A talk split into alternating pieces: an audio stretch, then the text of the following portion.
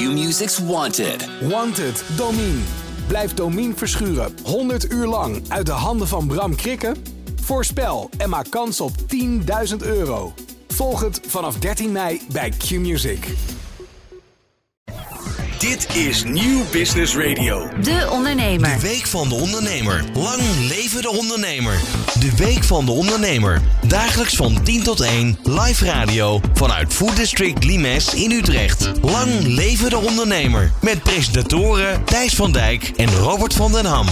Ja, en dat is het lang leven de ondernemer. Want het is zeker en vooral niet alleen de week, maar zeker ook het jaar van de ondernemer. Wat onze live radio-uitzendingen betreft, is het vandaag wel de laatste dag van de week. Als u er nog bent. We gaan er in ieder geval een vragenuur van maken met Hans Biesheuvel, voorzitter van ONL van Ondernemend Nederland. Hij is onze studiogast. En Marcom-deskundige Thijs van Dijk is er als mijn co-host. Heren, goedemorgen. Goedemorgen. Ja, goedemorgen. En de eerste vragen komen al binnen, Hans, voor je. Want die kunnen gesteld worden via redactie.deondernemer.nl en via onze social media kanalen, media kanalen. Ik gaf het al aan, het is een vragenuur. En in dat uur gaan we ook bellen met onze man in Londen, Lennart van Otterlo. Dan gaan we het natuurlijk hebben over Brexit, maar ook de lockdown, waar hij als inwoner en ondernemer middenin zit. En met Lennart en Hans gaan we die vergelijkingen trekken tussen het Verenigd Koninkrijk en Nederland. De maatregelen die daar genomen zijn en wellicht ook nog gaan worden. En natuurlijk gaan we het ook met Lennart en Hans hebben over Brexit. Mijn naam is Robert van der Ham en je luistert naar De Ondernemer. Dit is Nieuw Business Radio. De Ondernemer. De Week van de Ondernemer. Lang leven de ondernemer. ondernemer. En op dag 5 van die week en op dag 5 van die week van de ondernemer hebben wij Hans Biesheuvel te gast, voorzitter van ONL Ondernemend Nederland. En je kunt hem vragen stellen door een mail te sturen aan redactie@deondernemer.nl of stuur hem ons via onze social media kanalen. Hans, er komen al heel veel vragen binnen, kan ik je zeggen. Die gaan vooral over dat derde steunpakket. Eh, dat zal ook centraal zijn in jouw agenda van dit moment. Neem ons eens mee naar zo'n week als deze week van de ondernemer. Hoe jouw vooral Haagse agenda er dan uitzag. Nou ja, mijn Haagse agenda die, eh, wordt eh, gemanaged vanuit Ondernemershuis Nederland, waar ik mijn kantoor heb. Dat is eh, ongeveer naast het torentje, vlak naast de ingang van de Binnenhof. Ja. En wat ik de hele week gedaan heb, is wat ik eigenlijk altijd doe. Dat is continu het gesprek opzoeken met de politiek, met besturend Nederland. lees even de ambtenaren. waarbij we eigenlijk continu bezig zijn met te kijken van hoe kunnen we het ondernemersklimaat verbeteren. Nou, deze week ging het vooral over de begroting van sociale zaken en werkgelegenheid. Die stond centraal in de Tweede Kamer. Want in september wordt altijd op Prinsjesdag natuurlijk de miljoenennota gepresenteerd.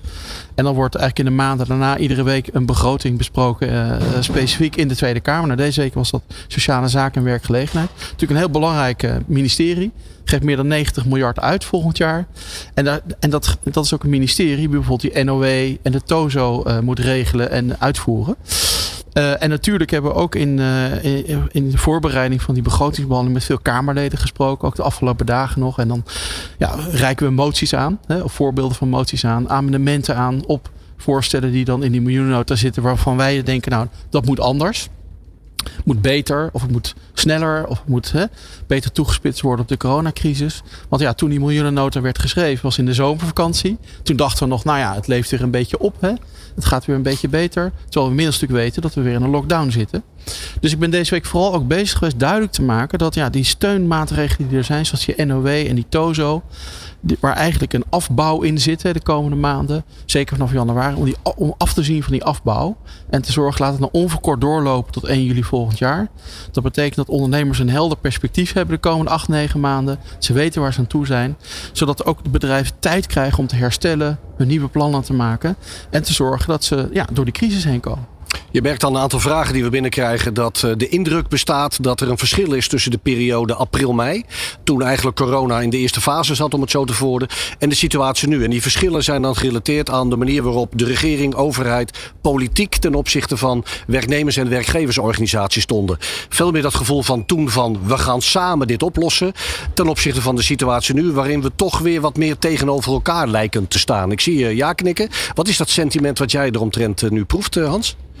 Nou, dat sentiment is, is heel wisselend. Kijk, ik ben het met je eens. hè. Kijk, in het voorjaar was ik bijna trots op Nederland. Hè? Hoe we met elkaar de schouders eronder zetten. Ja. Het was het samenkomen er doorheen. En ik vond ook, eerlijk gezegd, politici waar ik soms wel eens kritiek op heb, ook heel sterk overkomen op dat moment.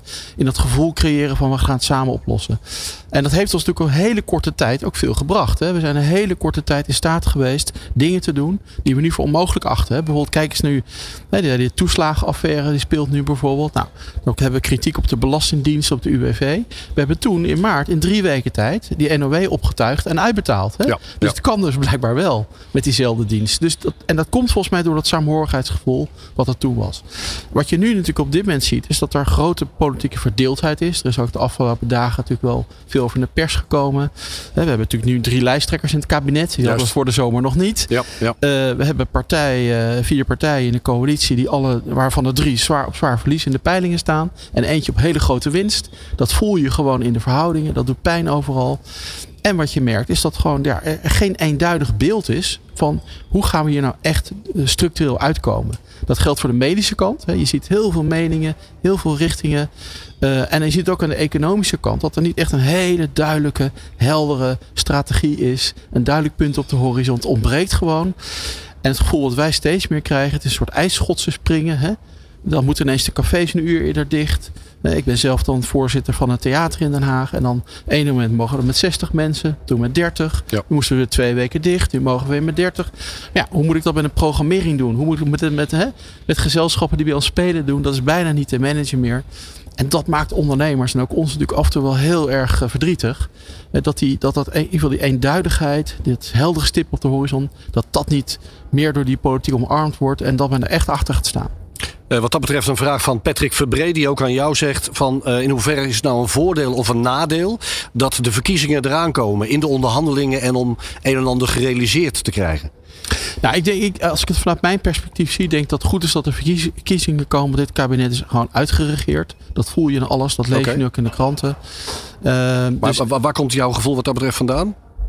Nou, wat ik net zeg, kijk, het is een kabinet dat geen meerderheid meer heeft in de Eerste en Tweede Kamer. ja.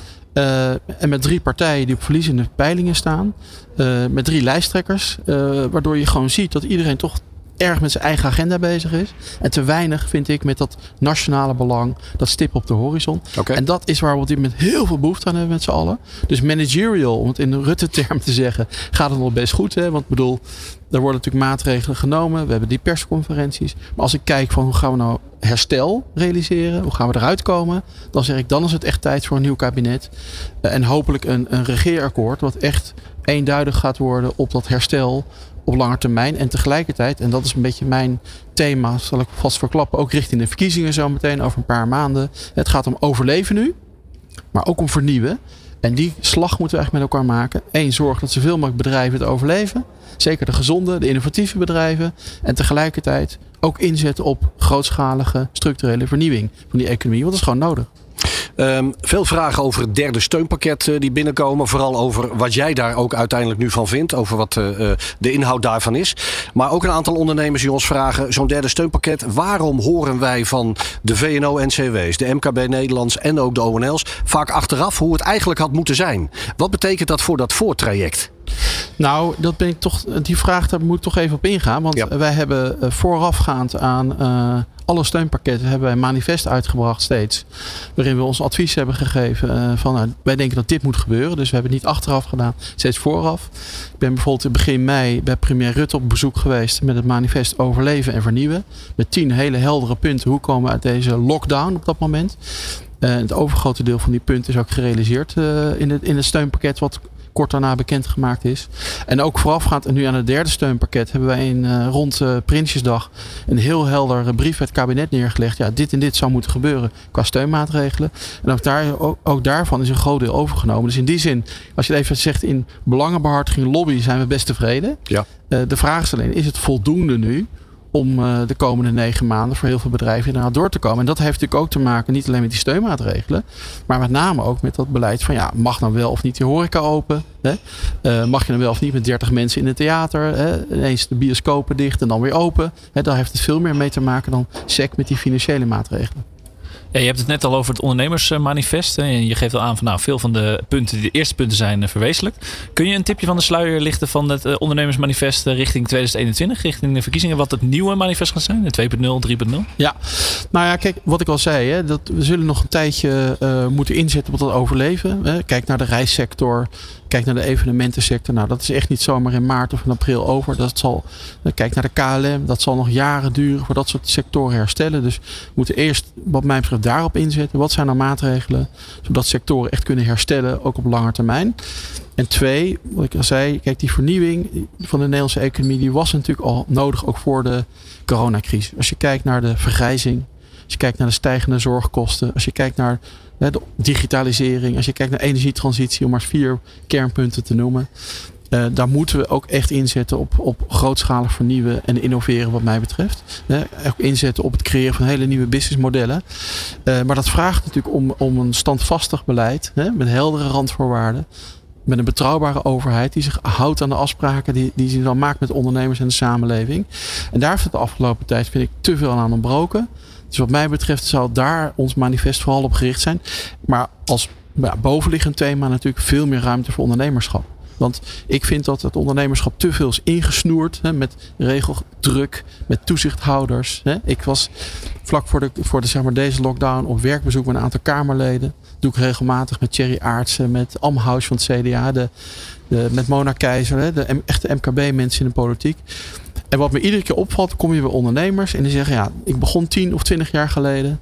Toen was ik 20% met de bureaucratie bezig en 80% met ondernemen. En nu is het precies andersom. Met 80% met de bureaucratie bezig en dan maar 20% met ondernemen. Maar als we uit deze crisis willen komen en als we die transities willen doen, dan hebben die ondernemerschap en die inzet op ondernemerschap hebben we keihard, nodig. Dus daar moet ook veel meer ruimte voor komen. Ja, en als je dan bijvoorbeeld inzoomt op de reisbranche, je noemde hem al. Hè, eh, Thierry Aarts die zei ook bij ons in de uitzending van nou, ik maak me hard voor de voucherbank. Ja. De, de, van nou, we hebben natuurlijk de, de, vouchers lopen af. We hebben eigenlijk heel veel te maken met dingen die aflopen. Van nou, mensen gaan massaal hun geld eh, terugvragen. Krijg je een soort eh, DSB-praktijken. Ehm, wat is jouw visie op die, die voucherbank van Thierry? Sta jij daar ook achter? Of hoe kijk jij daarnaar, naar die, naar die reisbranche? Nou, sterker nog, we hebben die voucherbank voorgesteld bij Thierry en, en, het kabinet. Omdat wij bij ons zijn aangesloten alle reisbureaus in Nederland via een brancheorganisatie. En ehm, het probleem voor heel veel van die reisorganisaties is dat ze natuurlijk eh, in korte tijd heel veel van die vouchers hebben uitgegeven. Ruim 2,5 miljard staat er nu uit eigenlijk aan openstaande verplichtingen. En eh, de omzet bij het gemiddelde reisbureau is teruggebracht naar 5% op dit moment van het normale. Dus die zijn technisch bijna allemaal failliet. Al was het maar door die enorme verplichting op die balans om die foutjes ooit een keertje in cash om te gaan zetten. Eh, en daar moet iets voor gaan gebeuren. Want als, dat, als, als we daar geen oplossing voor vinden, dan wordt het heel lastig voor die hele reissector om überhaupt te gaan overleven. Want technisch zijn ze eigenlijk bijna allemaal failliet. En je wilt tegelijkertijd dat ze ook gaan vernieuwen. Hè, want we hebben het daarover gehad. Die businessmodellen moeten echt gaan eh, vernieuwen. En daar wil ik ze lucht voor geven. Dus daar is die voucherbank een, een prima oplossing voor. Juist vanuit die reisbranche krijgen we ook eh, veel vragen binnen Hans. Dat was overigens bij Thierry Aartsen ook al zo. Uit de reisbranche veel vragen over. Ja, ik lees overal en hoor ook overal, ook tijdens deze week van ondernemer. Investeer jezelf uit de crisis. Ik zit in dat toerisme, dus, dus zeg het maar Hans, hoe moet ik dat doen? En vooral, en dat was ook bij, bij Thierry Aartsen het geval, ook heel veel, nou ja, laten we zeggen, eh, boosheid over het gebrek aan samenwerking binnen de EU. Over het bepalen van welk land nou oranje, geel, waar ik naartoe mag of moet. Verplichting al dan niet en de vrijblijvendheid daarbij. Want ook dat heeft heel veel schade toeberokkend aan die reisbranche. Dus Hans, hoe sta jij daarin? Hoe ga ik mijzelf in dat toerisme nou, wat iedereen roept, uit die crisis investeren? Ja, ik begrijp dat heel goed. Hè. Nogmaals, wij vertegenwoordigen ook heel veel reisorganisaties. Het lastige is dat ja, Europa is een lappendeken. Hè. Ik sprak gisteravond toevallig in een bijeenkomst nog minister Blok erover. En die zei ook, ja, het is heel ingewikkeld nu. Met al die regeringen die hun eigen lijn trekken. Dus daar ligt denk ik wel echt de les ook van de afgelopen tijd. Als we van die EU wat willen blijven maken op lange termijn. Draagvlak willen creëren. Ja, dan zal juist op dit soort punten moet die samenwerking tien keer beter. Ja, die is toch een slag gemist. Die is een enorme slag Ja. gemist. En het is zo'n schade aan de economie. Kijk eens naar landen als Spanje en Italië. Die het voor een groot deel van toerisme moeten hebben voor een economie. Geldt ook voor een delen van Frankrijk. Ja, dat kan zo niet langer. Dus ik zou zeggen tegen Rutte. Als er één grote opgave voor je ligt straks. Ik ga er maar even vanuit dat hij weer premier wordt Als je nu naar de peilingen kijkt. Dan zou ik zeggen, zet dit nou op je agenda dat je dit gaat realiseren. Want we zien nu hoe ongelooflijk schadelijk echt die lappendeken is in Europa. En zeker voor die reissector. Ja, en over dat investeren. Kijk, ik ben zelf, eh, nou, volgens mij nu 34 jaar ondernemer. Ik heb echt ook wel wat crisissen meegemaakt. Uh, niet alleen zelf, maar ook om me heen. En ik heb wel geleerd, ja, als je niet meer investeert, niet meer vooruitkijkt, ja, dan leg je het altijd af. Hè. Dus toch dat, hoe moeilijk het ook is, denk in nieuwe kansen, in nieuwe verdienmodellen. Het klinkt heel makkelijk, maar dat is toch de enige manier om doorheen te komen. Ik heb toevallig gisteren nog in de Telegraaf in mijn week een stukje geschreven van als je gaat investeren, betrek ook goed je medewerkers erbij als ondernemer. Ga samen nou eens om die tafel zitten. Ga samen plannen maken. Want kijk, de, de beste resultaten van innovatie en vernieuwing komen niet alleen door het product wat je aanschaft of het systeem wat je koopt of het uh, protocolletje wat je bedenkt. Maar met name ook in hoeverre jouw medewerkers, je collega's dat over kunnen nemen. En daar ja, echt zeg maar uh, uh, toegevoegde waarde aan kunnen geven. Daar, komen de, daar ga je als ondernemer uiteindelijk het geld mee verdienen. En niet zozeer met het, met het apparaat of het systeem wat je koopt. Dus dat betrekken van je medewerkers bij je collega's. Met het team dan echt mee aan de slag gaan. Dat is ook een hele belangrijke les die ik heb geleerd van het vernieuwen en innoveren ook in moeilijke tijden. want dat creëert ook teamgevoel. En dan kom je er toch weer wat makkelijker doorheen. Je luistert naar De Ondernemer tijdens de Week van de Ondernemer op Nieuw Business Radio. En we hebben een vragenuur met Hans Biesheuvel, voorzitter van Ondernemend Nederland ONL. Stel je vraag via redactie.deondernemer.nl of via onze social media kanaal. Je luistert naar De Ondernemer op Nieuw Business Radio met als studiogast Hans Biesheuvel, voorzitter van Ondernemend Nederland van ONL. Uh, Hans, we hebben een vragenuur en een van de vragen die binnenkomt is uh, in de categorie minister-president van Dissel, om zo vrij te zijn. Want zegt hier John Vermeeren. In het manifest van ONL uit maart haal ik dat jullie een Economic Board Nederland willen aanstellen. Hoe staat het daarmee? En vraag 2 zegt hij ook: waarom zaten er helemaal geen mensen uit het bedrijfsleven in het OMT? Nou, dat is een hele goede vraag. Hè? En dat is nou precies ook een beetje de kern waarom wij die Economic Board eigenlijk willen. En dan ga ik ook natuurlijk bij de formatie zo meteen. Uh, vanaf nou ja, 17 maart zijn de verkiezingen. Dus 18 maart ga ik ervan uit dat de formatie begint. Dan zullen wij ons verkiezingsmanifest bij eh, Mark Rutte aanbieden. Hebben ja. we bij de vorige verkiezingen ook gedaan. Zie het maar als een soort concept regeerakkoord. Uh, en dan zullen we weer gaan pleiten voor de Economic Board. Niet alleen omdat we denken dat er langdurig aandacht zal moeten zijn hè, voor het herstel van de economie de komende jaren. Maar dat ook met een visie zal moeten echt op de lange termijn verdienvermogen van Nederland. Wat er echt anders uitziet dan de afgelopen 50, 60 jaar uit heeft gezien. Ik heb het net al genoemd, die energietransitie, die krankzinnige stijging van de zorgkosten, eh, de hele situatie op de woningmarkt, die helemaal verkeerd eh, uitpakt op dit moment.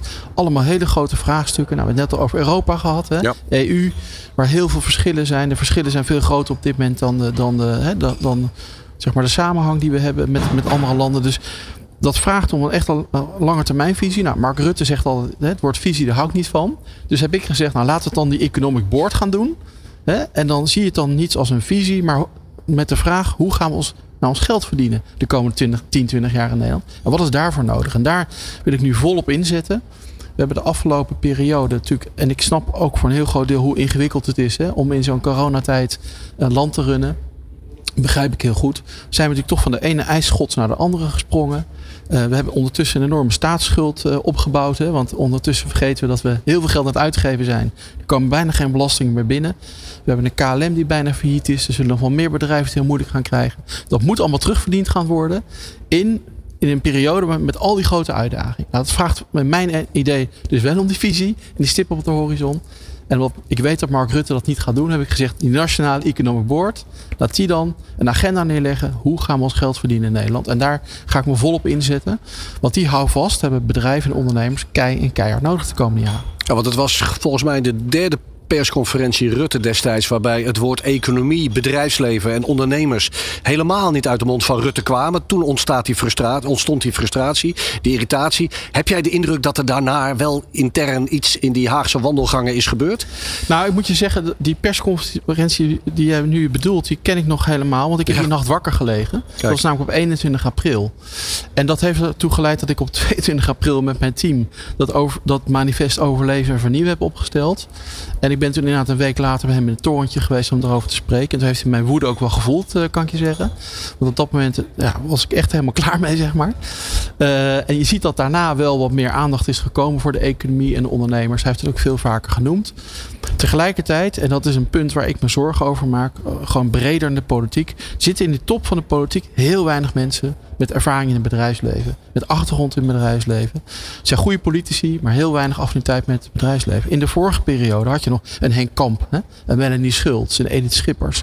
Uh, nou, allemaal mensen die zie je ook moeiteloos weer in het bedrijfsleven zijn teruggevloeid. Ja, ja. Maar die know-how en kennis zit weinig op dit moment in die politiek. Maar ik zie het als ik nu naar de lijsten kijk die er komen, niet in één keer zomaar terugkomen. En vandaar ook nogmaals weer mijn pleidooi voor die Nationale Economic Board. We moeten die, die, die, zeg maar, die, die bedrijfslevenkennis, die visie op, op dat geld verdienen, dichter bij die politiek brengen. Om te zorgen dat we ook de goede dingen gaan doen. Thijs, jij bent marketing-communicatiedeskundige onder andere. We hebben het net over die persconferentie gehad. Maar laten we hem wat breder trekken. Hè. Als je kijkt naar de communicatie vanuit de overheid, vanuit de politiek in het algemeen. Over corona, de maatregelen die al dan niet genomen zijn en hadden moeten worden. Hoe, hoe kijk jij daar nu naar met de kennis dus ook van nu? Nou ja, we hebben het er met Thierry natuurlijk al over gehad. Hè? Het uh, corona-handboek. Um, kijk, wat mij heel erg opvalt is, er zijn een aantal dingen. Als je het hebt over branding of over communicatie, is consistentie daarin heel belangrijk. Hè? Als je een merk wil bouwen, laten we even zeggen dat uh, de coronacommunicatie een merk zou moeten zijn. Nou, daar blonk uh, de Nederlandse overheid nou niet echt in uit, in consistentie. Hè? Het is heel gek geweest. Uh, en daarnaast, wat we het ook over hadden, ik vond die persconferentie of de keuze voor de communicatiekanalen waar de overheid voor kiest, ook heel traditioneel. Het is heel erg zenden, zenden, zenden. Nou, ze hebben geprobeerd de gesprekken aan te gaan, of het nou op Facebook was of op YouTube of in Zoom-sessies. Maar het is nog heel erg uh, traditioneel en heel erg uh, ja, eenzijdig. Um, en dat had echt wel beter gekund. En dat is ook wat, wat Thierry ook zei. Van, ja, daar hebben we echt wel van geleerd. We moeten meer die gesprekken aangaan. Nou, jij zei het net ook al uh, in jouw introductie. Van ja, we stonden samen in het begin van de crisis. Hè. We gingen er samen tegen het virus. Solidariteit was heel erg belangrijk. En nu staat iedereen tegenover elkaar met zijn eigen agenda. Wat, wat Hans natuurlijk ook zegt. Ja, en dat werkt natuurlijk niet echt vooruitgang in de hand. En, zeker als je het over communicatie hebt. Als je het hebt over we moeten met elkaar in gesprek blijven. Hè. We hebben een dialoog. Ja, ik mis heel erg die dialoog. Ik zie heel veel monologen op verschillende vlakken. Um, en ik denk dat die dialoog op verschillende plekken veel beter gestart kan worden. Nou, dat zijn wij hier natuurlijk ook aan het doen. Um, ja, daar moeten echt, vind ik, stappen in gemaakt worden. En dan heb ik het nog niet eens over um, ja, hoe ik als uh, communicatieadviseur zeggen... communiceer niet naar iedereen dezelfde boodschap. Weet je? Tegen jongeren of tegen ondernemers of tegen ouderen of tegen uh, arbeidsmigranten. Dat is gewoon doelgroepcommunicatie. En als je het hebt over communicatie en over boodschappen... en over hoe vertel je je verhaal... Dan moet je dat op een andere manier doen. Dan moet je andere spokespersons gaan gebruiken. Nou, ze hebben het natuurlijk geprobeerd met Famke Louise en uh, Diederik Gommers. Hè. Daar hebben ze veel te veel geld aan uitgegeven, geleerd. Nou, toen kwam ik doe niet meer mee. Um, maar daar zie ik echt wel kansen in. En daarin, uh, nou ja, Hans zegt het over een uh, economic board. Maar ik heb ook wel iets. Uh, ik wil ook wel pleiten voor een communication board. Waarin je verschillende soorten mensen. Ja, ja. Hè, want, ja, Hans zegt het ook terecht. Van, nou, misschien, ja, kun je het, misschien kun je het combineren. Hè? Want ja. kijk, voor mij is een economie. Ja, precies. Voor mij is een national economie niet een paar heren in een pak die netjes gaan vertellen hoe het allemaal zit. Hè, dat gaat ook over, krijg je het land mee? Want kijk, bij een stip op de horizon hoort ook dat je draagvlak creëert in de samenleving. Dat mensen, okay, hier ga ik naar achter staan, hier ga ik voor. En dat ontbreekt een klein beetje op dit moment. Hè. Dat, ik merk het bij heel veel ondernemers, die rijden op een rotonde.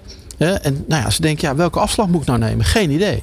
Maar ja, dat zie je nu bijvoorbeeld aan het investeringsniveau. Hè. Dus de economie houdt het redelijk vol, hè, ondanks alle steunmaatregelen. Het investeringsniveau ligt extreem laag, vooral het MKB. Mensen denken, ja, ik hou mijn geld op mijn zak, investeer niet, want ja, ik weet niet wat er gaat gebeuren. Maar je wil dat ze natuurlijk wel gaan investeren. En dat ze wel gaan denken, hé, hey, ik ga een afslag kiezen. En daar is die communicatie en een draagvlak cruciaal voor. Zeker. La, laten we eens kijken hoe dat aan de andere kant van de Noordzee is. In het Verenigd Koninkrijk. Want we hebben op dit moment aan de telefoon onze man in Londen, Lennart van Otterlo. Lennart, welkom in de uitzending. Hi. Lennart, je bent, uh, je bent daar niet alleen woonachtig, je bent daar vooral ook werkzaam, ook als ondernemer. Ook jouw bedrijf wordt natuurlijk geraakt uh, door uh, alle maatregelen. En dan hebben we het niet alleen over Brexit, wat eraan komt, maar zeker ook door de lockdown, door de coronamaatregelen. Maar laten we eens kijken hoe dat bij jullie daar georganiseerd is. Hè? We hebben hier een discussie over het OMT, waar eigenlijk niemand vanuit het bedrijfsleven in vertegenwoordigd was. We hebben het hier over nieuwe plannen. Maar hoe is die besluitvorming in het Verenigd Koninkrijk ontstaan rondom de huidige coronamaatregelen? Nou ja, wij hebben uh, uh, in plaats van het OMT hebben wij zogeheten SAGE. Dat is uh, een hele mooie afkorting. En dat, dat, dat zijn eigenlijk allerlei mensen uit de, vooral uit de wetenschap. Um, en die worden in, ingeroepen voor wat er dan ook op dat moment aan de hand is. Dus dat zijn dan nu heel veel mensen uit de, uit de zorg, heel veel virologen en, eh, pandemie-experts. Maar dat kunnen eh, eh, over een paar maanden kunnen dat mensen uit een hele andere groep zijn. Maar dat zijn allemaal wetenschappers die de regering direct ehm, adviseren. Alleen het verschil een beetje met de OMT is dat het eigenlijk geheim is wie erin zitten. Dus Oh. soms heb je wetenschappers die zeggen: ik, ben daar, ik, ik zit daar ook in. Of ik ben in die weken betrokken geweest, want het ging daar en daar over. Ehm, maar wie dat zijn, dat, dat wordt eigenlijk een beetje, eh, ja, dat wordt niet openbaar gemaakt. We hebben wel dan, ehm, ja, in- zeker in dit geval, eh, mensen die eh, aan het hoofd staan van bijvoorbeeld eh, Public Health England, dus eh, zeg maar de, de, de, de publieke gezondheidszorg. Eh, we hebben mensen van, die, die leiding geven aan onderzoeksinstituten. En die roleren ook een beetje in de persconferenties. Dus het zijn een beetje dezelfde vijf, zes gezichten die je steeds ziet op de persconferentie als het over een bepaald onderwerp gaat. Maar dat, wie de wetenschappers daarachter zijn, dat zie je eigenlijk niet echt.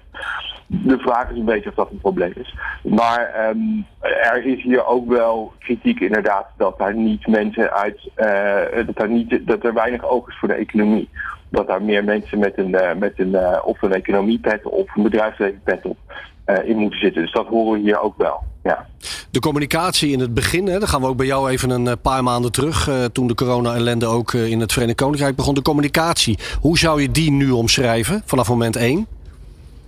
Eh, heel chaotisch. Ik, ik denk nog wel slechter dan in Nederland. Oké. Ehm, en eh, kijk, de, de Boris Johnson is niet een enorm goede communicator. Hij is heel goed in enthousiasmeren. Ehm, eh, maar ja, je hebt iets meer dan enthousiasme nodig hier zo. Het is, dit is ook natuurlijk niet een, een, positieve eh, gebeurtenis. Dus het is heel moeilijk om enthousiasme te gebruiken om een boodschap over te krijgen. Ehm, en dan is natuurlijk de cruciale fout eh, geweest dat Dominic Cummings, de, de grote man achter Johnson, zelf de eigen regels heeft verbroken. En ja, dat is natuurlijk een klassieke fout die je niet mag maken. En, en je hoort dus nu ook van bijvoorbeeld mensen in, eh, in de handhaving die zeggen van ja, wij horen regelmatig als wij mensen betrappen op het verbreken van bepaalde ehm, eh, beperkingen, dat ze zeggen van ja, maar de regering mag het zelf wel. Ehm, en ja, dat is denk ik echt wel een cruciaal keerpunt geweest in, in het effect van de campagne. Je zit, eh, daar, je, zit, je zit daar inmiddels in Londen, Lennart, in de tweede lockdown. Eh, je gaf in eerdere gesprekken en ook in je blogs bij ons op deondernemer.nl al aan dat daar een heel groot verschil merkbaar al is. Hoewel die lockdown, die tweede, bij u natuurlijk nog maar eh, kort geleden gestart is. Wat zijn die verschillen? In hoeverre merk je die nog altijd? Nou ja, de, er zijn een aantal bedrijven nu open die in de eerste, eerste golf dicht waren. Dus de tuincentra bijvoorbeeld. Ehm, er zijn eh, minder beperkingen op recreatie. Dus eh, je mag nu wel naar het park, mits je, zeg maar, afstand houdt. Maar ehm, dat was in het begin eigenlijk, in de eerste golf was het, je mag één keer naar buiten voor, eh, voor je lichaamsbeweging. En daar zijn ze nu iets vrijer geworden. Dus je ziet bijvoorbeeld dat, ehm, weet je, van die tuinen die je kunt bezichtigen, daar zijn ze dol op hier in het Verenigd Koninkrijk. Die zijn nog open. Maar die hebben eh, ja, dus maximaal, wat is het, 100 mensen per, eh, per uur bijvoorbeeld binnen. Dus je boekt dan een tijdslot.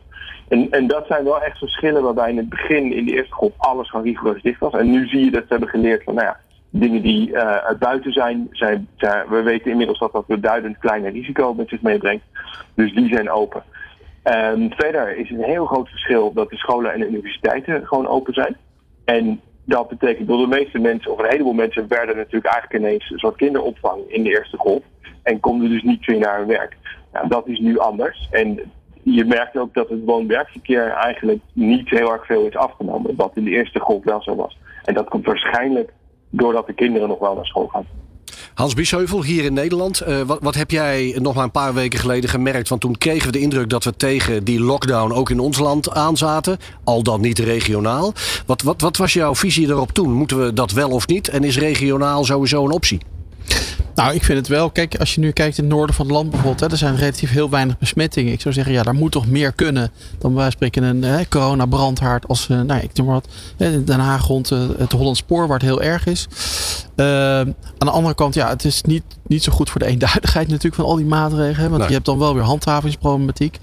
Eh, maar goed, ik hoorde nu steeds meer eh, ook bedrijven en ondernemers over zeggen: ja, er is bij ons bijna geen besmetting geconstateerd in bedrijven, in de regio heel weinig. En we hebben maximaal wel die klap voor de kiezen van, van al die maatregelen, al die beperkende maatregelen. Dus ik denk dat het nu wel tijd wordt om toch echt te, te durven loslaten in gebieden waar het echt eh, eh, verantwoord is, zeg maar. Moeten we wel met, natuurlijk met de veiligheidsregio's en dat soort dingen heel goed gaan afstemmen. Hè, hoe dat dan precies met de handhaving doet. Maar zou dat voor jou nog een optie kunnen moeten zijn? Nou ja, we moeten, nou ja, we, moeten, we moeten natuurlijk wel aan de slag. Hè. We moeten weer geld gaan verdienen met z'n allen. Ja. We moeten die banen vasthouden. En eh, kijk, ik snap heel goed, ja, die coronacrisis. We kunnen niet die zaagtand hebben. Hè, lockdown en weer werken. En lockdown werken, daar moeten we inderdaad vanaf. Dus ik ben niet tegen, zeg maar, het iets langer volhouden. En zorgen dat dat virus echt onder de knie krijgen. Nou, vaccins komen er eh, schijnbaar aan volgend jaar. Dus het moet eh, lukken volgend jaar. Maar daar waar het kan, waar het verantwoord is, zou ik zeggen. eh, geef regionaal meer ruimte om die economie weer op te starten. Lennart, in hoeverre speelt dat ook bij jou in het Verenigd Koninkrijk? Laten we zeggen, understatement, om het in goed Nederlands te zeggen. Nog veel wijdser dan hier bij ons in het kikkerlandje. Regionale keuzes, is dat bij jullie een, een, een issue? Nou ja, we hebben dat eigenlijk al in, in, in vier delen sowieso. Uh, door het Verenigd Koninkrijk bestaat eigenlijk uit vier landen. eh, Engeland, Schotland, Wales en Noord-Ierland.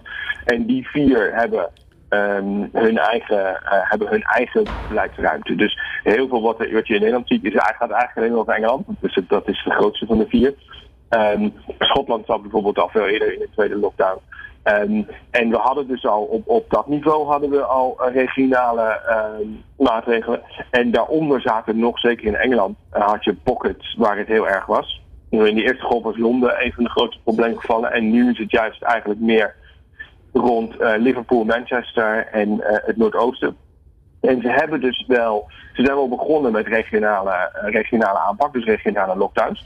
En dan krijg je ook het probleem van, ja, het is een beetje onduidelijk, want eh, je hebt dus eh, tientallen verschillende type maatregelen verspreid over het hele land. Eh, en je krijgt van die rare dingen en die los je nooit op. Grensgevallen. Dus stel, een, een, stel dat aan het einde van de straat bij mij een ander graafschap begint. En dan mag, je, in mijn, mag ik de deur wel uit, maar mijn, mijn buurman een paar deuren verderop mag dat niet. Nou, daar hebben we heel veel eh, van dat soort gevallen gezien. Maar dat los je nooit op. Dus ik denk ook dat eh, iedereen een beetje begrip moet hebben dat er geen 100% antwoorden mogelijk zijn. Bedoel, dit is een hele ingewikkelde situatie. En, en je moet het dus heel erg hebben van, van begrip. En dat is niet altijd makkelijk te communiceren. Als we eens eh, verder kijken naar communicatie, en in dit geval ook in dat in eh, relatie met de regeringsleider. Ehm, vandaag eh, de voorpagina van de Daily Mail, die zeer kritisch is op de regering vanwege het schandaal. Waarbij blijkt dat miljarden in de handen, en dan hebben we het over de financiën natuurlijk op basis van de coronagelden, van vrienden van Boris Johnson terecht zijn gekomen. De voorpagina van de Daily Mail vandaag, je appte hem mij zojuist do- door, Lennart. Hashtag Ja, Boris Johnson must go. Ja, die, dat, dat, gisteren was, ehm, ging die, was dat de trending hashtag, Boris Johnson must. En dat, het is wel echt een, een, een ongehoord schandaal. Ehm, kijk, wat er gebeurd is, in, in, in het begin van het, eh, van het jaar, of in de, eerste golf, is er eh, terecht gezegd van, nou ja, we moeten ineens een heleboel ehm, eh, spullen aanschaffen, schorten, handschoenen, maskers, eh, beademingsapparatuur. Dus we schorten tijdelijk de aanbestedingsregels op. Dat is een, een, vrij logische, vrij logische eh, keuze geweest. Alleen wat ze toen hebben gedaan, blijkt nu, is dat ze twee paden hebben gemaakt. Dus ze hebben twee ingangen gemaakt om, om in aanmerking te komen voor, voor dat soort aanbestedingen. En die, dat hebben ze geheim gehouden. Dus ze hebben een snelle toegang gemaakt. En alle bedrijven die via die gang binnenkwamen, die werden eigenlijk niet eh, ge- gecheckt op of ze wel eh, of dit wel hun sector was, of ze wel eh, kapitaalkrachtig waren, al dat soort dingen. Nee, die werden meteen goedgekeurd. En dat bleken dus eigenlijk in de praktijk allemaal vriendjes van ministers of een, een, iemand in de House of Lords die toevallig ook in de raad van bestuur ergens zit. En, wat we dus nu hebben gezien is dat er bijvoorbeeld een, een, een juwelenhandelaar eh, ehm, ruim 100 miljoen heeft gekregen omdat hij maskers zou kunnen leveren. Eh, er heeft een, eh, is een webdesignbedrijf die ruim 100 miljoen heeft gekregen om handschoenen te leveren. Ja, de- deels is dat gelukt, deels is dat niet gelukt, deels is, zijn die producten alsnog afgekeurd. En tegelijkertijd zijn er bedrijven die wel in die sectoren zaten, die niet de juiste connecties hadden. En die, ehm, die, niet, die hun handschoenen niet konden leveren, omdat ze in het, in het langzame traject zaten. De, de, Britse equivalent van de Algemene Rekenkamer heeft er deze week een, vernietigend rapport eh, over uitgebracht. Eh, en heeft zo'n 9000 eh, verschillende van deze contracten onderzocht. En die heeft alarmbel geluid dat dit echt een, een heel goed probleem is. Ik bedoel, we hebben het over 18 miljard pond. in totaal. En daar zijn er tot nu toe zeker 3 miljard daarvan is nog niet boven tafel wat er nou eigenlijk precies mee is gebeurd. Nou, het is natuurlijk een grof schandaal. Absoluut. Eh, in een tijd dat er nog steeds wordt gezegd van ja, we kunnen de, de lonen in de zorg niet verhogen. Ja, ja. eh, komt dat natuurlijk heel moeilijk uit. En dan hebben we het nog niet eens over Brexit eh, gehad. En dat gaan we straks doen. Ook met Lennart van Otterlo vanuit Londen. En met Hans Biesheuvel van ONL hier vanuit de studio. En op deze laatste dag van die Week van Ondernemer bellen we met Londen. Met Lennart van Otterlo. Ondernemer al daar en Brexit-expert. En hebben we hier in de studio in Utrecht Hans Biesheuvel, voorzitter van Ondernemend Nederland van ONL. En we gaan het dus hebben, want het lijntje naar Londen is er, over Brexit. Er komen veel vragen ook binnen, eh, Hans. Ehm, en, en de meest gestelde vraag eigenlijk is van... Hans, denk jij dat Brexit nog een keer uitgesteld zou kunnen worden?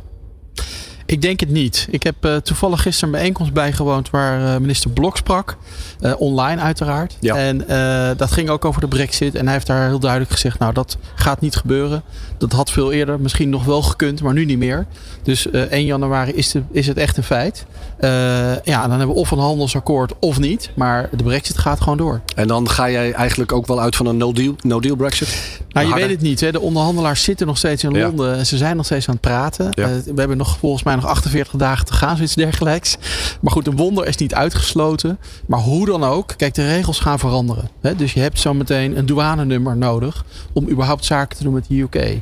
Eh, je zult een, een, een contract moeten hebben met een transporteur, hè? Met, een, met een vrachtwagenbedrijf, met een transportbedrijf, hè? met de, de lijndienst naar, naar Engeland om überhaupt tot die boot te kunnen komen of in, de, in die vrachtwagen te komen. Dus je moet een aantal dingen, zul je administratief moeten regelen, wil je überhaupt nog zaken doen.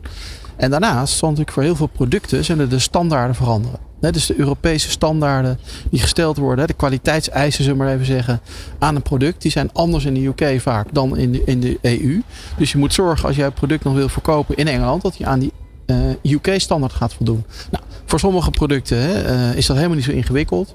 Maar vooral- in de sector waar wij heel goed in zijn, hè, food bijvoorbeeld, en, eh, en, en, en, en, en, en bloemen en hè, zeg maar zuivel, daar liggen die standaarden echt wel een stuk anders. En daar voor die sector is het ook het meest ingewikkeld op dit moment.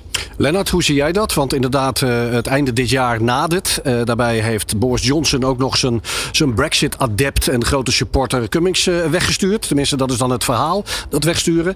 Wat gaat dit nu nog doen met die onderhandelingen met de EU? Wat, wat, wat is er nog voor ruimte, denk jij? Nou ja, kijk, ik, ik vind dat het eh, in het kader van no news is good news, dat het relatief stil is eh, in de onderhandelingen zelf. Ehm, en dat zou kunnen wijzen op dat er eh, eigenlijk gewoon voortgang wordt geboekt. Ehm, waar ik me weer meer zorgen over maak, is eigenlijk hoe de regering, of voornamelijk hoe Boris Johnson, wat er bereikt wordt, kan verkopen naar zijn achterban. En daar zien we eigenlijk dat er toch best wel veel eh, frictie is. Door vorig jaar met het Withdrawal Agreement eh, lukte het hem om het te verkopen. Hij is inmiddels zoveel van zijn politiek kapitaal kwijt. Er wordt echt wel een beetje aan zijn stoelpoten gezaagd. Dat ik me afvraag of hij nu nog zo'nzelfde kunstje een keer kan uithalen. Dus het zou nog best kunnen dat er straks ehm, in principe een akkoord is. Maar dat hij dat niet door zijn eigen achterban heen krijgt. En daar maak ik me eigenlijk nu een beetje zorgen over. En ja, die, de, de deadline. eh, we hebben eigenlijk al een deadline gemist afgelopen maandag. En dat is Ja. toch wel een van de meer serieuze deadlines. En ja, het is dus nu een kwestie. We, we hebben het, het document schijnt nu al zo'n 600 pagina's te zijn. Dus het, het, het conceptakkoord. Ja, dat moet vertaald worden, dat moet bestudeerd worden door Europarlementariërs. parlementariërs, Die moeten daarvan goedkeuren. Misschien moeten de, de nationale parlementen het ook nog goedkeuren. Dat hangt af van wat de inhoud straks wordt. Ehm, en eh, ja, daar is eigenlijk gewoon geen tijd voor. En dan krijg je dus een rare situatie dat het misschien onder voorbehoud wordt aangenomen, maar dat het, ja, dan, daar heb je als ondernemer dus niets aan. Want dan is er een deal, maar je weet niet eh, of die het uiteindelijk toch wel gaat, gaat redden. Precies. En wat je dus nu ziet, dat is heel interessant. Gisteren hebben we een hele reeks Britse eh, eh, koepels in, uit het bedrijfsleven, die hebben aan de bel getrokken en die hebben bij de EU aangedrongen om ook een eh, soort implementatiefase in te stellen. Dus wat de Britten nu in feite gaan doen, is de eerste zes maanden grofweg een redelijk coulant zijn waar alles een keer wat binnenkomt. Omdat ze gewoon weten van ja, we hebben onze zaakjes niet op orde, dus we kunnen niet iedere vrachtwagen gaan controleren. En, en eh, er is dus is nu een oproep aan de EU om dat zelf te gaan doen, om ook vrachtwagens eh, te gaan doorbuigen. Ik denk dat dat, eh, ik denk niet dat dat gaat gebeuren. En dat, daar zou ik ook geen voorstander van zijn, om eerlijk te zijn. Want eh, dat is natuurlijk vragen om eh, allerlei handige jongens die de regels gaan omzeilen. en zo allerlei dingen die niet aan Europese standaarden voldoen, de EU binnen te krijgen, de Europese interne markt. Dus ik zie dat niet gebeuren. Dus zeker voor Britse bedrijven, denk ik, gaat het wel echt een hele moeilijke januari worden. We krijgen veel eh, vragen binnen, Hans, nogmaals ook over Brexit. En daarbij geven een aantal ondernemers aan. Ik lees overal dat ik die impact scan moet gaan doen. Hè? De Brexit impact scan. Wat, wat kan ik daar eigenlijk uithalen met de kennis van nu die er eigenlijk niet is? En wat we nu ook vanuit Lennart horen hoor. Wat gaat er nou 1 januari gebeuren? En in hoeverre kun je me dan überhaupt adviseren? Ja, nou ja, dit is natuurlijk een hele waardeloze situatie. Hè? Want Lennart ook zegt, kijk, ook al komt er nog een akkoord. Je weet niet of het geratificeerd wordt uiteindelijk door al die landen. Je weet niet hè, wat voor, op jou dan straks wel of niet van toepassing is. Ik, bedoel, ik kan ook niet zomaar 600 pagina's van zo'n akkoord even scannen en precies bepalen wat er gebeurt. Dus dat maakt het ondernemers al heel moeilijk om zaken te gaan doen. Maar goed, laten we er even vanuit gaan dat dat lukt. Ja. Dan nog steeds is het verstandig, denk ik, om zo'n impact scan te doen. In ieder geval voor een aantal basiszaken. Hè? Wat ik net zei. Kijk, je hebt nu een, straks vanaf 1 januari dat douanenummer nodig. Er zijn nog steeds van de 70.000 Nederlandse bedrijven die zaken doen met de UK, is nog steeds 20% die dat nummer niet heeft aangevraagd. Dus dat betekent op 1 januari simpelweg, wat je ook doet, je krijgt niets meer over de grens. Want de douane simpelweg zal het niet meer uh, accepteren. Als, je, als je geen goede overeenkomst met jouw transportonderneming uh, hebt of je transporteur hebt, kom je de UK niet meer in. Die moet aan een aantal eisen voldoen, die afspraken. Dus dat zijn basisdingen die je uit de impact scan haalt. Daar kan je niet alles uithalen, want nogmaals, niet alles is al bekend. Maar in ieder geval zorg dat je de basis op orde hebt. Maar ja, het, het belangrijkste het handelsdeel, ja, dat ontbreekt gewoon. En dat is pijnlijk en, en voor ondernemers razend vervelend. En dan Thijs, naar jou kijkend, hè, communicatie. Had uh, minister Blok, uh, ondanks dat er misschien nog niet zo heel veel te melden is. Maar goed, je zal maar bloemenexporteur zijn bijvoorbeeld. Dat blauwe monster al niet lang uit de kast moeten halen. Ja, daar hebben we het eerder met Thierry natuurlijk ook over gehad. Ja, ja kijk, uh, het is natuurlijk, um, net als wat Lennart net zegt, het is uh, verbazingwekkend stil in de UK. Ja, het is ook verbazingwekkend stil in, uh, in Nederland hè, daarover. Dus ja, en stilte is nooit goed, want dan krijg je alleen maar meer chaos en meer vragen en meer ja, onwetendheid voor ondernemers. Dus ik denk sowieso dat dat wederom, weet je, weer een voorbeeld is van ja, ouderwetse communicatie. Hè. Je kunt beter voorkomen dan genezen, zei Ralf van Dam ook. Nou ja, dus weet je, je kunt beter met je inmasseren en ook gewoon eerlijk zijn en zeggen, ja, op dit moment weten we het niet. Wat we wel weten is dit. Dat kunnen we daar kun je mee helpen. Daar komt je blauwe monster uh, van minister Blok weer uh, om de hoek kijken. Die gaat je daarbij helpen.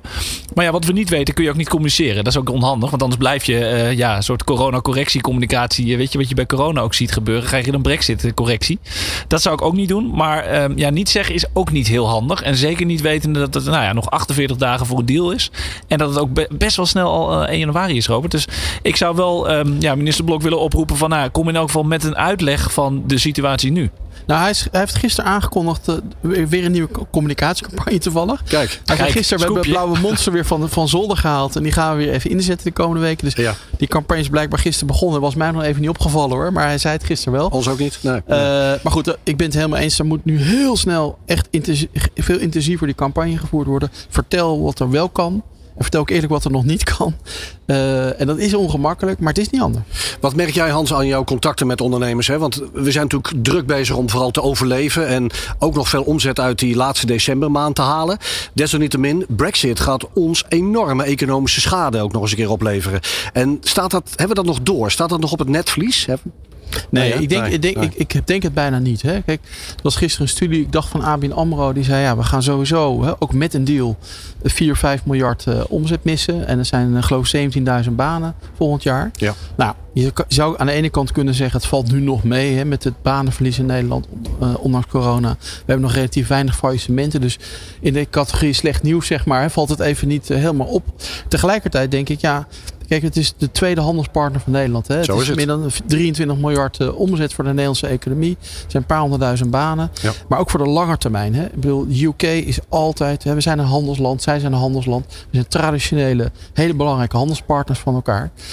Wat mijn lijn is, en ik heb uh, volgende week een afspraak met de minister Kaart ook weer eventjes over om bij te praten, is van ga nou vooral wel door met economische diplomatie naar de UK. Want het blijft een belangrijk land, een belangrijke economie voor ons. Met of zonder deal zometeen. Moet er een markt zijn waar we ons blijven richten. En gaat het bedrijfsleven extra steunen nu. Ook in die economische diplomatie. Om even die banden vast te houden. Ook voor de lange termijn. Lennart, eh, jij bent eh, oprichter van het De Ruiter-netwerk in het Verenigd Koninkrijk. En spreekt in die zin dus ook heel veel Nederlandse ondernemers bij jou daar in, eh, in Engeland en met name in Londen. Wat, wat krijg jij voor geluiden vanuit die hoek door over die aanstaande Brexit? En dan ook door voor hun economische schade? Nou ja, kijk, het, grote probleem wat we hier hebben gehad is.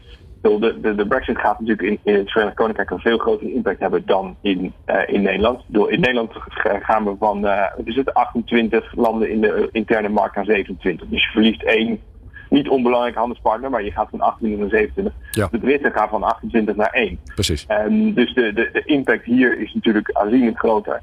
Eh, en de, voor, de benodigde voorbereiding is ook veel groter. En ja, wat, wat dat betreft kon die, die, dat coronavirus dus niet op een slechter moment komen. Dus je hebt eh, hier allerlei bedrijven die dit hele jaar hebben moeten kiezen tussen eh, ofwel ga ik voorraden aanleggen, ofwel ga ik juist op mijn geld zitten, omdat ik niet weet hoe het coronavirus gaat uitpakken. En dat is een, een, een duivels dilemma eigenlijk. Ehm, dus je ziet dat een heleboel bedrijven eh, eh, nu zeggen van ja, waarom hebben we niet een uitstel aangevraagd? Dat komt tot de zomer. Eh, want eh, ja, de helft van ons personeel zit thuis. Eh, we hebben eh, ons handen vol aan het virus. We weten niet of we het einde van het jaar nog halen.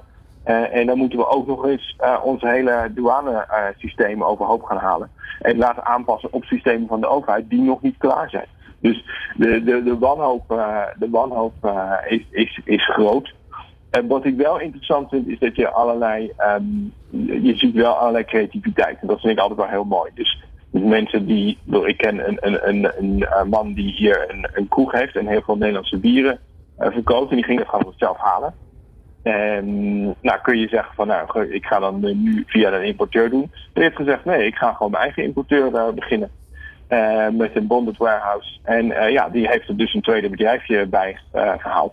Ehm, en die, behalve dat hij dus nu zelf bier schenkt, levert hij nu ook aan andere, aan andere pubs. En dat is een soort bijkomstigheid van de Brexit. Als je er een beetje bovenop zit, kun je daar misschien ook wel een beetje je voordeel mee doen.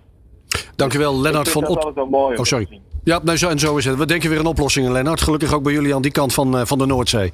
Dankjewel, Lennart. Live vanuit Londen in dit radiouur en dit vragenuur aan Hans Biesheuvel van Ondernemend Nederland. Er komen zo ontzettend veel vragen binnen, ook eh, uit de hoek van de retail, dat we het vragenuur met 10 minuten gaan verlengen. Dus na dit uur gaan we verder met Hans Biesheuvel. De Week van de Ondernemer. Dagelijks van 10 tot 1 live radio vanuit Food District Limes in Utrecht. Lang leven de ondernemer. Met presentatoren Thijs van Dijk en Robert van den Ham. Het tweede uur van deze laatste dag van de Week van Ondernemer, vrijdag 20 november 2020. En in dit tweede uur gaan we in gesprek met de directeur Business Development van DPG Media, Willem Albert Bol. En met hem gaan we het onder meer hebben over de veranderende mediakeuzes van het bedrijfsleven sinds corona. En we praten verder met Hans Biesheuvel, voorzitter van Ondernemend Nederland, ONL, in samenwerking met in dit geval ook Thijs van Dijk, Marcom-expert. En met die pet op gaan we eens kijken naar de communicatie over corona in relatie tot de retail. Dit is Nieuw Business Radio. De Ondernemer. De Week van de Ondernemer. Lang leven de ondernemer. Want vanuit die retail krijgen we enorm veel vragen binnen Thijs en, eh, Hans. En eh, de eerste vraag die ik je wil stellen, want die is ook het meest gevraagd, is: Hans, is ONL, ben jij voor of tegen de mondkapjesverplichting straks ook bij mij in mijn winkel en in mijn winkelstraat? Nou ja, vanaf 1 december is die plicht daar. Hè? Dus eh, het is geen vraag meer of die er komt. Die komt er. Ik moet eerlijk zeggen dat mijn mening daar een klein beetje over eh, ja, aangepast is de afgelopen maanden. In het begin coronacrisis dacht ik, nou die, die moet dat houdt op een advies. Laat mensen het zelf kiezen. Maar ik heb toch door heel Nederland heen van heel veel retailers gevraagd. Voor zorg nou dat er een duidelijk beleid komt. Hè? Ja. Want eh, voor ons is dat handhaven en daarmee omgaan ontzettend lastig. Je zet ons tegenover de klant als je niet oppast. Dus alsjeblieft die mondkapjesplicht. Dat is toch 80% van de reacties die wij hebben gekregen. Dus ik ben daar ook maar achter gaan staan. Want wij zeggen altijd, ja, de ondernemers bepalen onze agenda. Dus als 80% vindt dat ze dat helpt op dit moment, dan moeten we daar ook voor zijn. Dus ik, ik ben voor. Eh, maar name ook omdat ik denk dat toch voor heel veel ondernemers er belangrijke maanden aankomen. Omzet eh, in december is natuurlijk voor heel veel ondernemers belangrijk. Ik wil dat ze zich niet druk hoeven te maken over ja, dit soort zaken. En ja, klanten aarzelingen om binnen te komen. Heldere regel. Het is gewoon duidelijk nu. Ja, en ik hoop dat het gewoon gaat helpen. Het is nu, ja, het is nu duidelijk, eh, Thijs. Die, die, die communicatie daarover is ook wat duidelijker. Wel niet eh, in de ene regio en in de ene stad wel en niet. Wat vind je uiteindelijk van, die, van die keuzes en de manier waarop daarover is gecommuniceerd? Ja, wederom. Het is, het is een beetje laat. Kijk, ik, uh, ik zat van de, van de zomer zat ik in Spanje. Hè. Dan uh, liep ik ook al rond met een mondkapje. En eigenlijk was het voor heel veel mensen heel erg normaal. Want het was vanaf het eerste moment heel erg duidelijk. En uh, ik denk dat het goed is dat in elk geval wat Hans ook zegt... dat er nu duidelijkheid is voor iedereen van wat gaat gebeuren. Maar kijk, wij Nederlanders, als je het vergelijkt met andere landen... in Spanje of Frankrijk of België, waar het al wel langer is... Hè, en in België ook, waar ze het vanaf het begin hebben gedaan... Ehm, ja, wij doen toch een beetje moeilijk daarover. Terwijl het ook allemaal wel meevalt met zo'n mondkapje. Kijk, als je ermee gaat leven, je, je went er op een gegeven moment aan. En wij houden gewoon niet zo heel erg van uh, verandering. We zijn natuurlijk best wel een eigenwijs volk. Dus ik vind het goed dat het qua communicatie nu gewoon zo is van... oké, vanaf 1 december gaat het gewoon gebeuren en gaan we het gewoon doen. Um, en dat dat gewoon qua communicatie nu eenduidig is en consistent blijft. En dat er ook geen verandering meer in plaats gaat vinden. Want dat geeft ook weer ondernemers die nou ja, toch te maken hadden gehad met teruglopende bezoekers. Van mensen zeggen, ja, ik blijf toch weg, ik ga minder shoppen. Dat gaat vanzelf alweer beter worden. Uh, dat zie je ook in, in landen als Spanje. Ik, ik heb een goede bron in Madrid zitten. uh, je ziet in Madrid dat dat toch ook wel weer verandert. Mensen gaan eraan wennen. Ja, ja. Uh, zijn er gewend dat je, oké, okay, ik, moet hem, uh, ik moet hem gewoon overal opdoen. En dat gaat ook wel weer zorgen voor een nou ja, terugkerend bezoek. En dat het uiteindelijk ook je omzet weer omhoog gaat brengen. Tuurlijk niet op hetzelfde niveau als voor corona, laat dat duidelijk zijn. Maar het gaat echt wel helpen um, voor de mensen ook. Hè, als consument zijn. Dat je denkt van, oké, okay, ik moet het in mijn gedrag meenemen. Dus het, heeft, het is onderdeel van mijn shopgedrag. En dus ga ik dat gewoon doen. Dus maar, ik, ik vind die eenduidigheid goed. Maar dan, dan, dat was een dringend advies. Kennelijk hebben wij Nederlanders dan een verplichting nodig om dat te doen. Het was een heel nadrukkelijk dringend advies. Zou dat niet voldoende moeten zijn? Ook niet in de communicatie? Um, ja, kijk, we hebben natuurlijk gezien dat wij Nederlanders niet zo van dringend advies. We, we kiezen gewoon ons eigen pad. Hè? Ik bedoel, uh, als je kijkt, als je het heel even vergelijkt met het uh, met openbaar vervoer, daar was het vanaf het begin verplicht. Hoor je niemand over. Iedereen past het daar gewoon aan, gaat in de metro zitten, doet zijn mondkapje op. Er is geen geklaag. Uh, maar op het moment dat je ruimte geeft voor discussie, wat wij natuurlijk in Nederland heel erg doen, we zijn het land van discussies, hè? ja, dan krijg je dus dat mensen het niet gaan doen. En dan krijg je dus ook de coronahaarden, nou, waar Hans het al over had, in Den Haag. Je ziet ook heel veel discussies. Ja, maar mijn winkel moet het wel en in de supermarkt moet het niet. Maak gewoon eenduidig in alle openbare gelegenheden moet je gewoon een mondkapje op waar beweging is tussen mensen. Dan krijg je deze discussie ook niet. En ja, in Spanje was het voorbeeld. Ik uh, was ook in de tijd van het strand. Daar had je gewoon een vliegende drone. Die ook gewoon als mensen geen afstand hielden. Was er gewoon een drone die zei: hey, Please, can you hold uh, keep distance? Of in Spaans natuurlijk. Dan. Ik zeg niet Over. dat we hier vliegende drones moeten hebben. Maar het, het is ja. wel de manier om um, uh, nou ja, nudging bijvoorbeeld. Hè, mensen een bepaalde kant op duwen. En zeggen van nou ja, we helpen jou om je gedrag te veranderen. In plaats van nou, wederom traditionele manier van communiceren. Bam, top-down. Dat werkt in Nederland niet. Maar op het moment dat je gewoon zegt, nou ja, we gaan het samen een bepaalde kant op duwen. En die communicatie is op die manier ook logisch, hè, consistent. Uh, in plaats van van links naar rechts. Ja, dan zorg je ook dat mensen er uiteindelijk aan wennen. En dan verander je gedrag. En dat is gewoon heel belangrijk.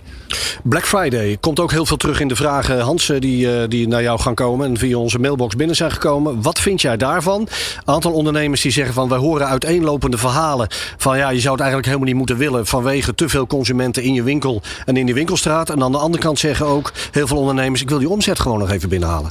Nou ja, ik, ik zou nu toch echt voor dat laatste kiezen. Hè? Ja. Uh, er zijn natuurlijk heel veel, met name ook in die detailhandel, heel veel bedrijven die het lastig hebben. Kijk, de Action en uh, de, de bol.com, zeg maar online, die gaan best goed. Maar zeg maar in de traditionele winkelstraat, om het zo maar te zeggen, is nog heel wat te winnen. Die zijn heel blij met die Black Friday. Uh, en zeker de komende weken met die mondkapjesplichten, waar hopelijk mensen tegen, nou, die nu misschien twijfelen, ik ga toch op de fiets stappen of stappen in de bus. Ik ga toch die, die koopjes halen. Dat zal voor die retail heel belangrijk zijn om een beetje redelijk nog het einde van het jaar te halen. Tot slot, laatste vraag. En die krijgen we ook van heel veel wat kleinere winkeliers uh, gemaild. Die gaat over de wettelijke betaaltermijn van 60 naar 30 dagen. Van groot naar klein. Iets wat al heel lang in de lucht uh, hangt. Nog voor corona destijds is aangekaart. Ook door jullie bij Mona Keizer. En er zijn vrij veel, vooral kleinere ondernemers, die zich afvragen. Wat is daar nu de status van? Gaat dit nog gebeuren? Het gaat gebeuren, want uh, uh, Mona Keijs heeft de wetswijziging aangekondigd met brede steun in de Tweede Kamer. Dus het gaat gebeuren. Ik weet even niet op mijn hoofd wat exact de ingangsdatum is, maar dat uh, kan ik nog even, ja. even checken. Maar het gaat, het gaat binnenkort beginnen. Wat hier natuurlijk wel van belang is, dat uiteindelijk, we hebben geen betalingstermijn politie hè, in Nederland. Dus uiteindelijk, het staat straks wel in de wet, maar uiteindelijk ben je toch wel afhankelijk van, ja, gaan bedrijven zich netjes aan houden? Ja. Gaan ze niet die inkoopmacht, zeg maar, te veel uh, nou ja, doen gelden. Ik heb het zelf ook in het verleden meegemaakt. Ik leverde verfkwasten bij een grote doe-het-zelf retailer. En die de een op de andere dag zei, nou vanaf morgen, ze betalen altijd binnen 30 dagen, 90 dagen einde maand. Uh, nou, stonden we in één keer met de rug tegen de muur, zeg maar. Dus dat wil je niet meemaken. Dat noemen we dan een soort inkoopmacht. Dus daar moeten we echt vanaf. Wij hebben voorgesteld aan Mona om die grote bedrijven te actief te laten rapporteren over hun betalingsgedrag in de jaarrekening. Dat ze echt moeten opschrijven, oké, hoe we hebben we ons inderdaad aan de wet gehouden en hebben we ons netjes aan die betalingstermijn gehouden. Zodat je in elk geval op die wijze kan checken of ze het ook gedaan hebben en niet te veel van die inkoopmacht uh, gebruik hebben gemaakt. Ja. Overigens is er natuurlijk al een, een, initiatief wat ook door de overheid wordt gesupport. Betaal.nu. Betaalme.nu is uh, de URL waarbij je kunt zien welke bedrijven zich er hebben aangesloten en zich er ook aan houden. Ik zie je wat ja, vertwijfeld kijken. Nou ja, dat is net een beetje net uh, met, met die mondkapjesplicht. Hè. Dat ja. is weer ja, vrijwillig en dat is, dat is nou ja, een beetje vriendelijk. En uh, je kan er eigenlijk niet zo heel erg veel mee. En je ziet bedrijven melden zich aan. En doodleuk houden zich er niet aan de afspraken. Uh, ik, kan, ik zal de naam hier niet noemen. Maar ik kan ze zo opnoemen. Juist. Dus dat heeft geen zin. Je moet duidelijk zijn. Eenduidig beleid. En ik zeg 30 dagen met de actieve meldingsplicht of rapportageplicht van die grote bedrijven over hun betalingsgedrag. Dan hebben we denk ik, kunnen we echt een stap voorwaarts zetten. Uh, maar ik doe ook een beroep op die grote bedrijven, los van die wet. Denk aan al die MKB'ers. Dat is 93% van het Nederlandse bedrijfsleven. Dat is het grootste deel van de banen. Die betalen niet meer dan 90% van alle belasting in dit land. Dus die hebben keihard nodig de komende jaren. Dus gedraag je gewoon netjes met of zonder die wet. Hans Biesheuvel, voorzitter van Ondernemend Nederland van ONL. Dank voor je komst naar de studio in Utrecht en weer op weg naar Den Haag. Ja, om 12 uur gaan we weer verder met uh, de volgende gesprekken. En het gaat dan vooral weer over dat steunpakket. Want ja, eind volgende week uh, gaan we van het kabinet horen wat ze daarmee gaan doen. Uh, dus we zijn vol spanning en keihard aan het werk om dat de goede kant op te duwen. Succes en we blijven jou en je collega's volgen. Dankjewel. Dit is Nieuw Business Radio. De Ondernemer. De week van de ondernemer. Lang leven de ondernemer.